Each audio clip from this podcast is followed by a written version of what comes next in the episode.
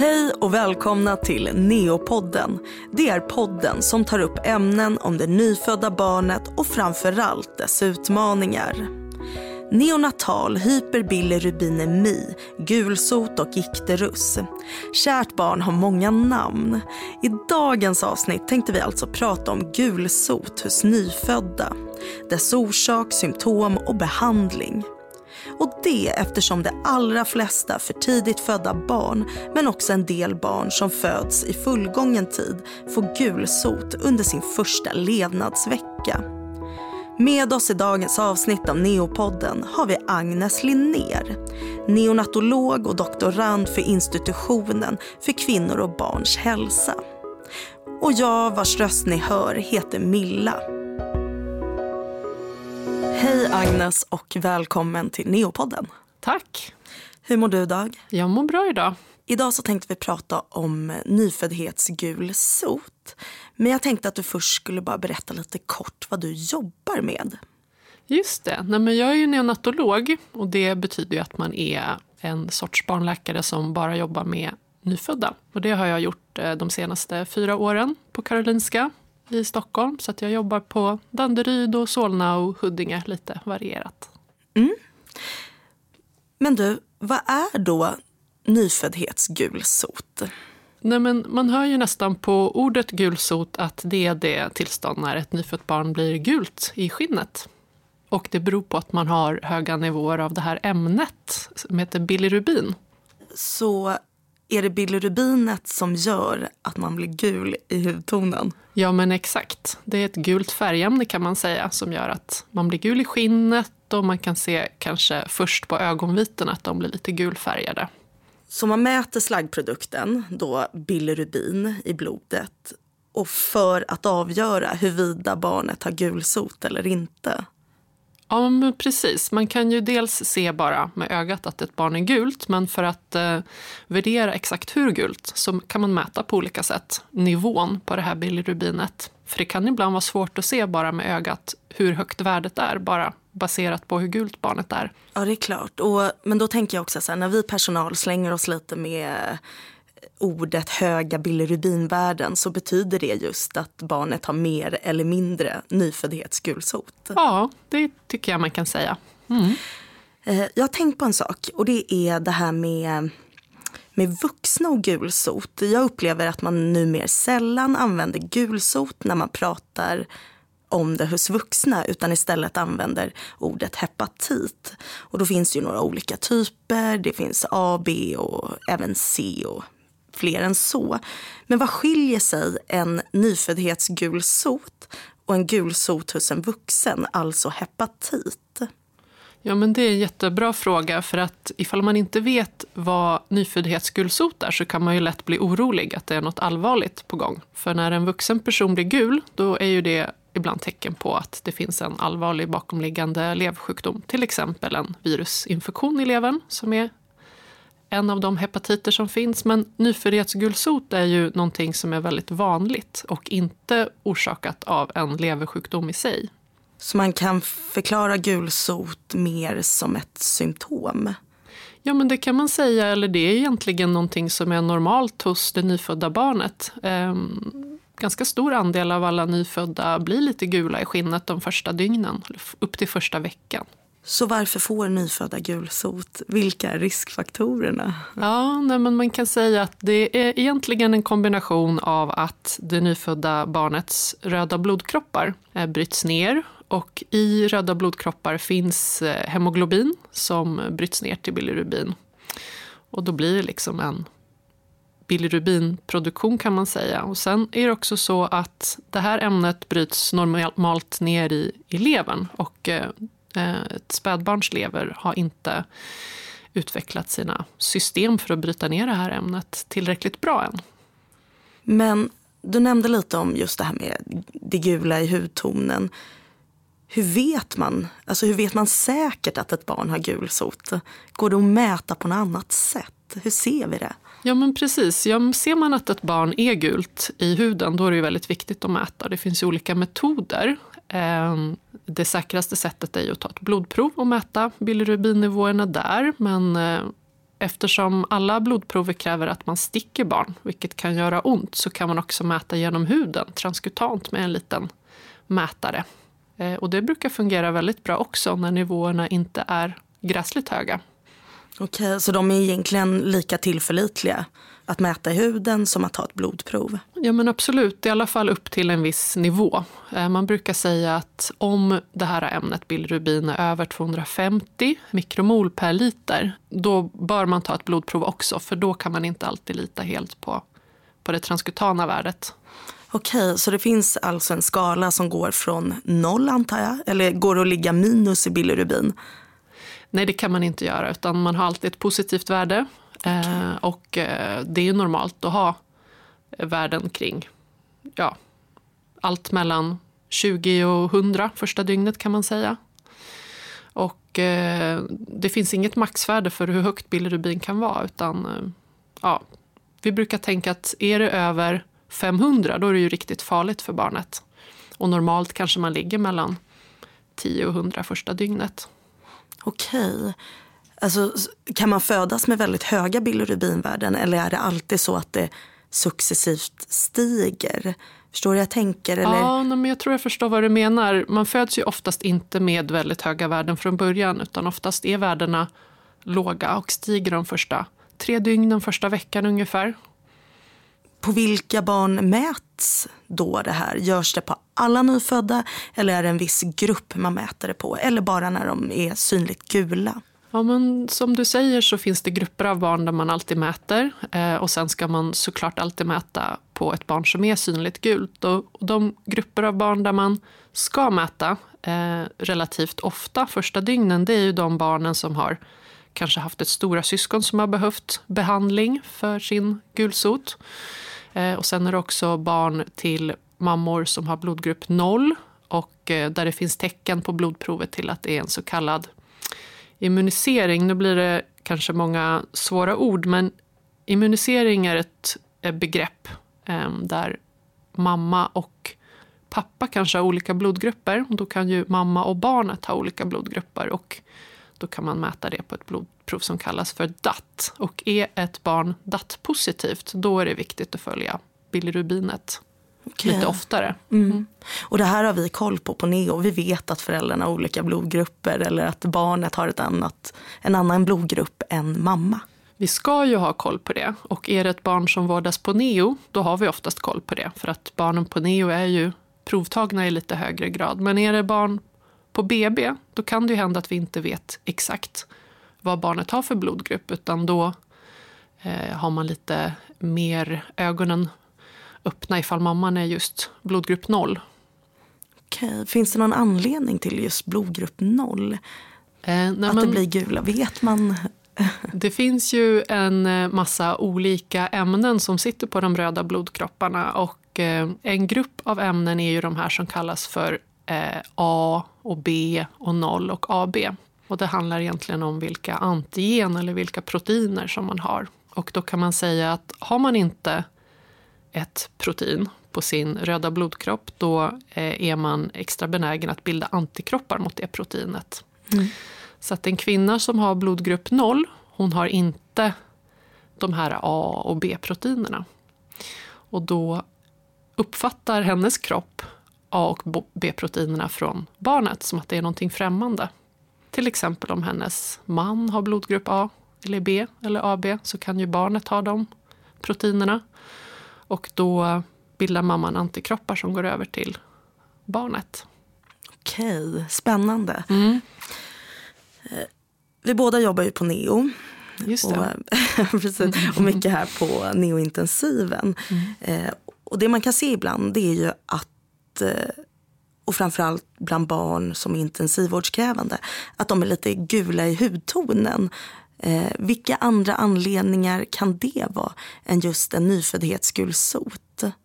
Nej, men är de gula i huden så har de nog ett någorlunda högt bilirubin, för det är ju det man ser genom huden. Men som jag sa i början så kan det vara svårt bara av hudens utseende att veta exakt hur värdet är. Det kan ju bero på hur barnets hudfärg är i övrigt, vilket ursprung man har och, och hur man mår i övrigt. Mm. Mm. Men om man nu skulle få sig en jag vet inte om man kan säga så, men få sig en smäll på levern då? Ja, men exakt. Av en annan anledning, Ja, blir man då gul? Det kan man bli ifall bilirubinet blir högt. Och bilirubinet kan ju vara högt av andra anledningar än de här snälla orsakerna som jag beskrev i början. Man kan ju ha en leversjukdom som gör att man blir gul också. Okej, så man kan födas med en hepatit, en hepatit B eller C om mamma har det?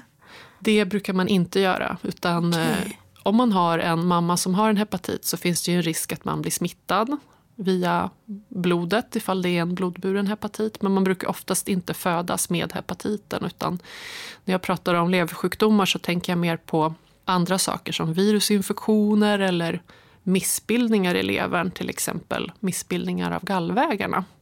Okej. Jag tänkte att vi skulle återkomma lite till det här när det mäts och vilka värden och sådär. Alltså du sa en gräns på 250 och sen nämnde du 500 och det låter ju väldigt högt. Men ändras den här gränsen? Ja, men precis. Den gör det. Eh, Man brukar eh, tänka att gränsen första dygnet för när man behöver vara lite mer uppmärksam och kanske behandla gulsoten, den är ungefär kring 100 mikromol per liter. Sen stiger gränsen successivt första två till tre dygnen. Och det beror på att eh, barnets hjärna, som är det organ som, som kan ta skada ifall bilirubinet blir för högt, eh, är olika tillgängligt kan man säga för det här bilirubinet från blodet beroende på hur lång tid det har gått från födelsen.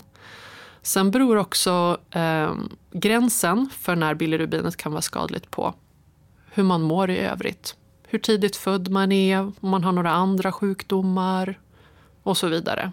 Så vi har en kurva som vi kollar på på NEO och på BB när vi tar ställning till om barnet behöver behandling och sen så ser vi ifall barnets värde ligger över eller under den gräns när vi tycker att det behövs behandling. Ja just det, och den här kurvan. eh, det brukar ju, man kan ju lägga in som att det finns en normalkurva och en riskkurva. Varför finns det två olika kurvor som man kan lägga in då det här värdet på? Man kan säga att de flesta barnen som föds är ju fullgångna och friska och då finns det en kurva som gäller dem. Men sen så finns det också en riskkurva eh, där eh, barn som har kanske en infektion eh, ska följas eller barn som är födda för tidigt. Där tolererar vi också lite lägre gränser. Okej. Eh, tidigare när jag jobbat med friska fullgångna barn så sa man ofta så här att Åh, på dagen så öppnar vi upp persiennerna och vi låter dagsljus komma in. Och, eh, men också att se till att barnen börjar käka och, och bajsa. Hur mycket hjälper det mot gulsot? Och om det har effekt, varför hjälper det mot gulsoten? Jag tror dagsljus hjälper nog inte så mycket egentligen. Eh, Det skulle vara väldigt marginellt tror jag. Men det här med att äta mycket och kissa och bajsa mycket, det spelar roll. Eh, Och det är för att det här eh, bilirubinämnet, det lämnar ju kroppen via bajs kan man säga. Så äter man mycket och eliminerar, liksom, gör sig av med bilirubinet så är ju det ett sätt att få värdena att sjunka. Okej, men jag tänker bilirubin, det kan ligga fritt i blodet. Ja, Men hur, hur tas det upp? Alltså hur hamnar det i tarmen? Eller i liksom, hur, hur bajsar man ut det? Ja, det är en väldigt bra fråga. Nej, men allting som eh, finns i blodet bryts ju ner eh, via levern eller utsöndras via njurarna. Och även bilirubinet kommer ju ut via levern och gallan och via tarmen och ut ur kroppen. Mm. Men då ett barn som inte äter, som kanske får dropp. Eh, tar det längre tid för de barnen att bli av med gulsoten? Det kan det göra faktiskt. Och man kan se att barn som inte har fått äta av olika skäl, till exempel barn med tarmsjukdomar, de kan utveckla andra tillstånd om man har ett högt bilirubin. Eh, lite annan kombination av två olika komponenter av bilirubin. Just på grund av att deras tarm har inte fått vara igång och deras galla har inte fått jobba som den skulle ha gjort om tarmen hade varit frisk. Så absolut, det tar lite längre tid ifall man inte får käka. Men du nämnde lite kort om att gulsot kan vara skadligt. Va, vad gör det? Liksom vad, på vilket sätt kan det vara skadligt för barnet och när? Mm. Eh, nej men, Anledningen till att man behandlar gulsot överhuvudtaget är ju att det finns en risk att det här bilirubinet skadar hjärnan. Eh, då finns det ett tillstånd som heter kernicterus som betyder att hjärnan blir gul helt enkelt. Eh, det är väldigt farligt. Eh, det här gula ämnet eh, skadar hjärnan så att man kan få permanenta hjärnskador. Och problem som till exempel blindhet, dövhet och CP-skador längre fram i livet. Men då tänker man ju, alltså, så som jag har lärt mig så blir ju 50 av alla barn som föds mer eller mindre gula. Vissa barn löser det på egen hand och andra behöver lite hjälp från vår sida. Men då känns det ju väldigt läskigt att veta att oj, det kan bli en hjärnskada. Alltså, mm. Hur stor är sannolikheten eller mm. risken för mm. att ett barn faktiskt tar skada? Mm, risken är ju jätteliten. De gränser som vi har satt för när man ska behandla är ju låga. Och man kan säga att risken för hjärnskada kommer ju när bilirubinvärdena ligger kanske över 500. Det är ju väldigt ovanligt att de gör det i eh, liksom, sammanhang där man har möjlighet att ta prover och observera barnet. Så har man vårdats på BB eller på neonatalen på grund av gulsot så betyder ju inte det alls att man har risk för hjärnskador på sikt utan det är de här väldigt höga bilirubinvärdena som vi tänker på då. Mm. Mm.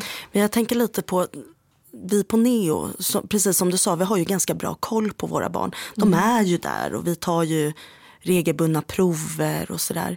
Men hur är det på BB och kanske tidig hemgång? Mm. Är det, löper de också en viss risk för att liksom få höga bilirubinvärden även fast de inte har riskfaktorerna som barnen på neo? Mm. Ja, absolut. Det är väldigt viktigt att alltid tänka på bilirubin, även på friska barn på BB.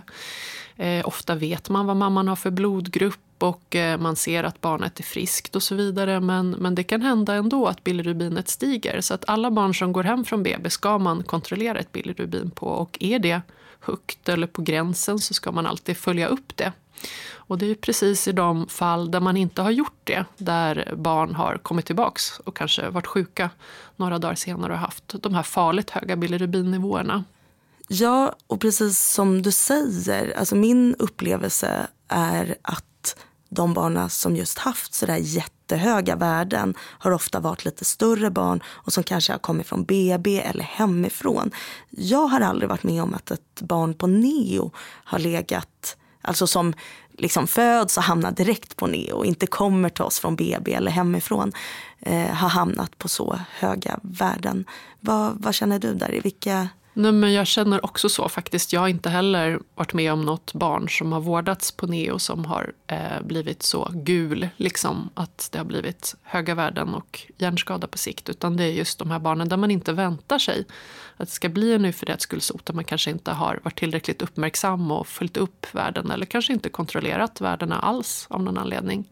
Mm. Det är ju de enstaka fall i Sverige som har fått det här tillståndet, kernicterus, senaste åren. För att det är ovanligt nu i Sverige, men det finns några fall ändå. Okej, så det är bara mm. några fall? Det är väldigt ovanligt. Det är mm. framförallt eh, en risk i andra delar av världen där man inte har möjlighet att kontrollera nyfödda barn på samma sätt som vi kan. Men om man nu åker hem med sitt barn från BB, när ska man börja reagera? Är det när barnet, liksom, förutom att det är gult, finns det andra symptom på att att eh, bilirubinvärdena kanske har stigit? Ja, alltså man kan säga att om risken vid hyperbilirubinemi är att man får kernicterus så eh, kan ju tidiga symptom på höga bilirubinvärden innan de har blivit jättehöga vara att man är lite såsig. Liksom. Så att är ens barn gulare än den var när man åkte hem och kanske inte orkar äta riktigt, liksom är trött och inte ammar och så, då ska man ju alltid ta kontakt med BB eller BVC igen för att kontrollera det. Mm. Vilka behandlingsmetoder finns? Ja, men behandlingen eh, av hyperbilirubinemi är ju att man får sola i bebissolarium kan man säga. Det kallas ju för fototerapi. Man får ligga i ett blått ljus. Det finns olika sätt att göra det. Det bryter ner det här bilirubinet så att det kan lämna kroppen lite lättare. Mm. Mm. Det här ljuset, det blåa ljuset, är det skadligt? Är det som solljus? Finns det risker för något? Det blåljuset som finns när vi eh, just behandlar barn på neo det är ju av en speciell våglängd. Det ger det här blåa skenet och vad vi vet är det inte skadligt. Det är förmodligen inte skadligt för vi har ju väldigt god erfarenhet av att just behandla barn sedan många år tillbaka. Så det kan inte ge någon form av hudförändringar eller hudcancer? så? Det har inte visat några sådana tecken. Blir man brun av det? Man blir inte brun. Nej. nej.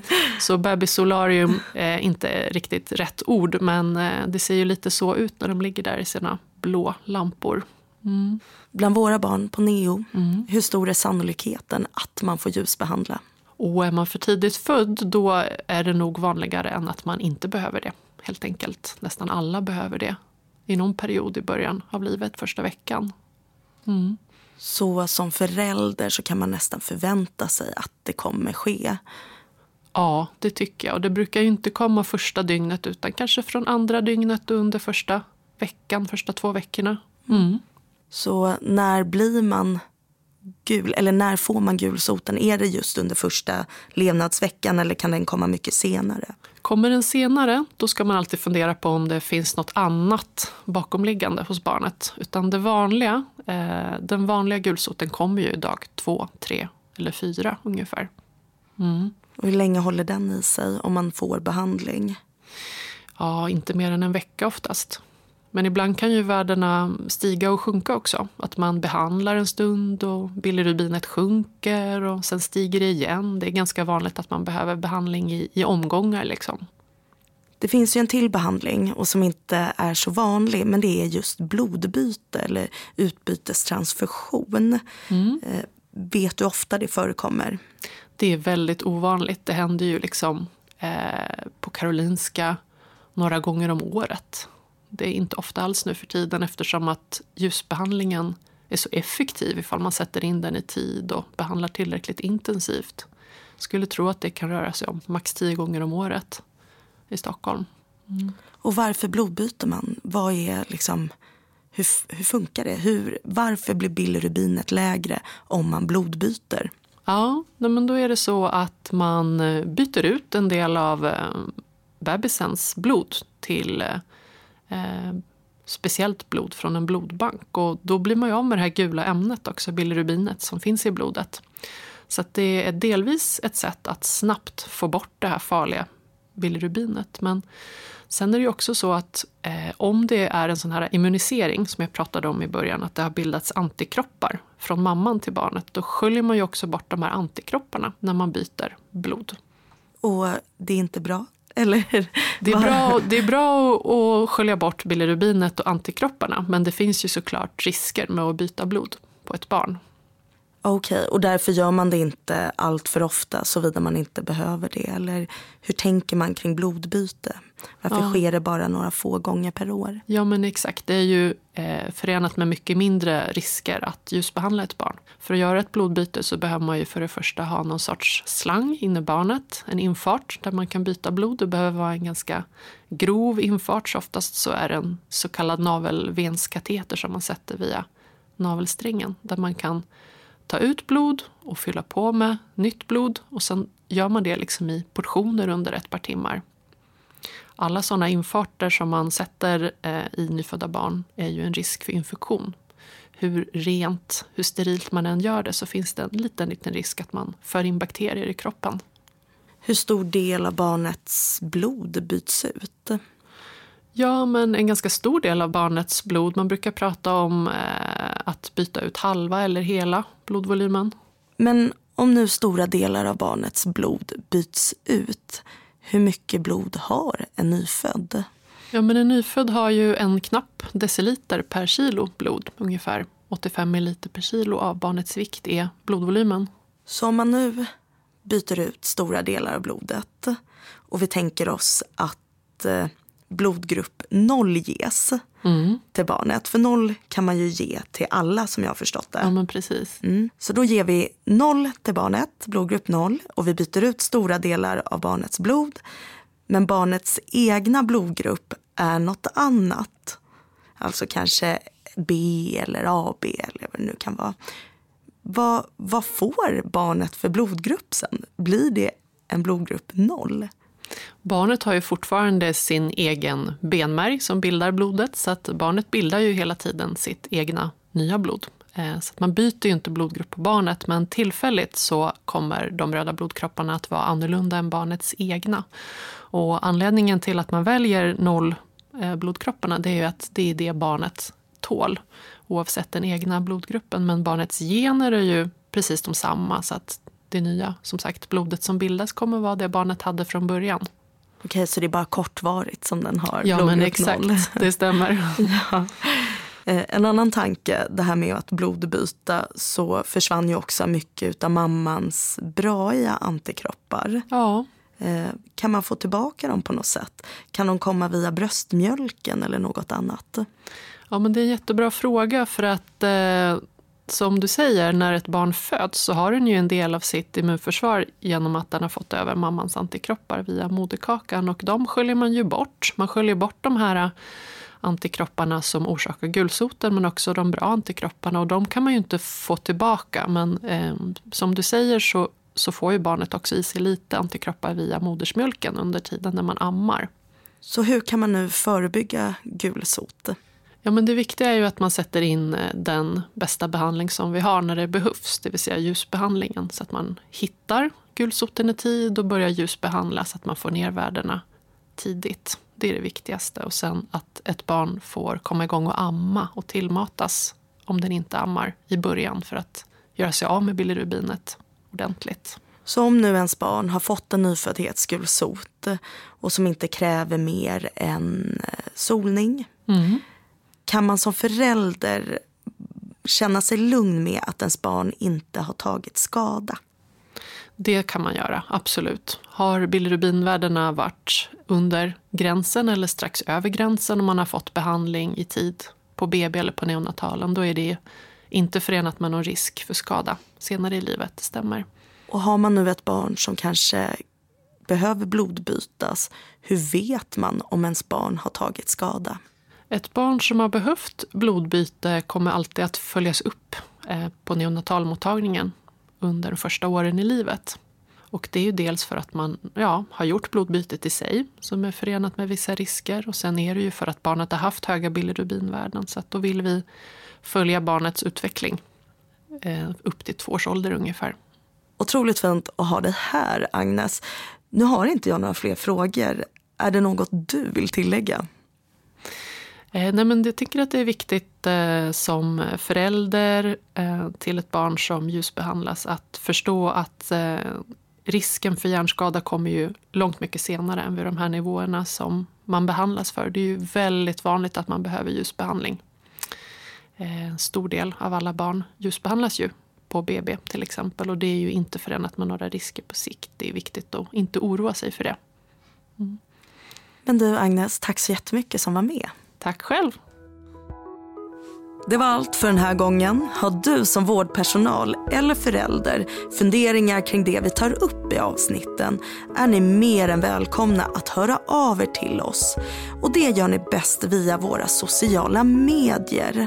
Jag som leder programmet heter Milla. Tack till Agnes Linnér som gästade Neopodden och tack till er som lyssnat. Du har lyssnat på Neopodden, en podcast som produceras av Karolinska Universitetssjukhuset. Följ gärna vårt Instagramkonto neokarolinska. Lär dig mer om neonatalvård på karolinska.se eller ladda ner vår mobila från App Store eller Google Play.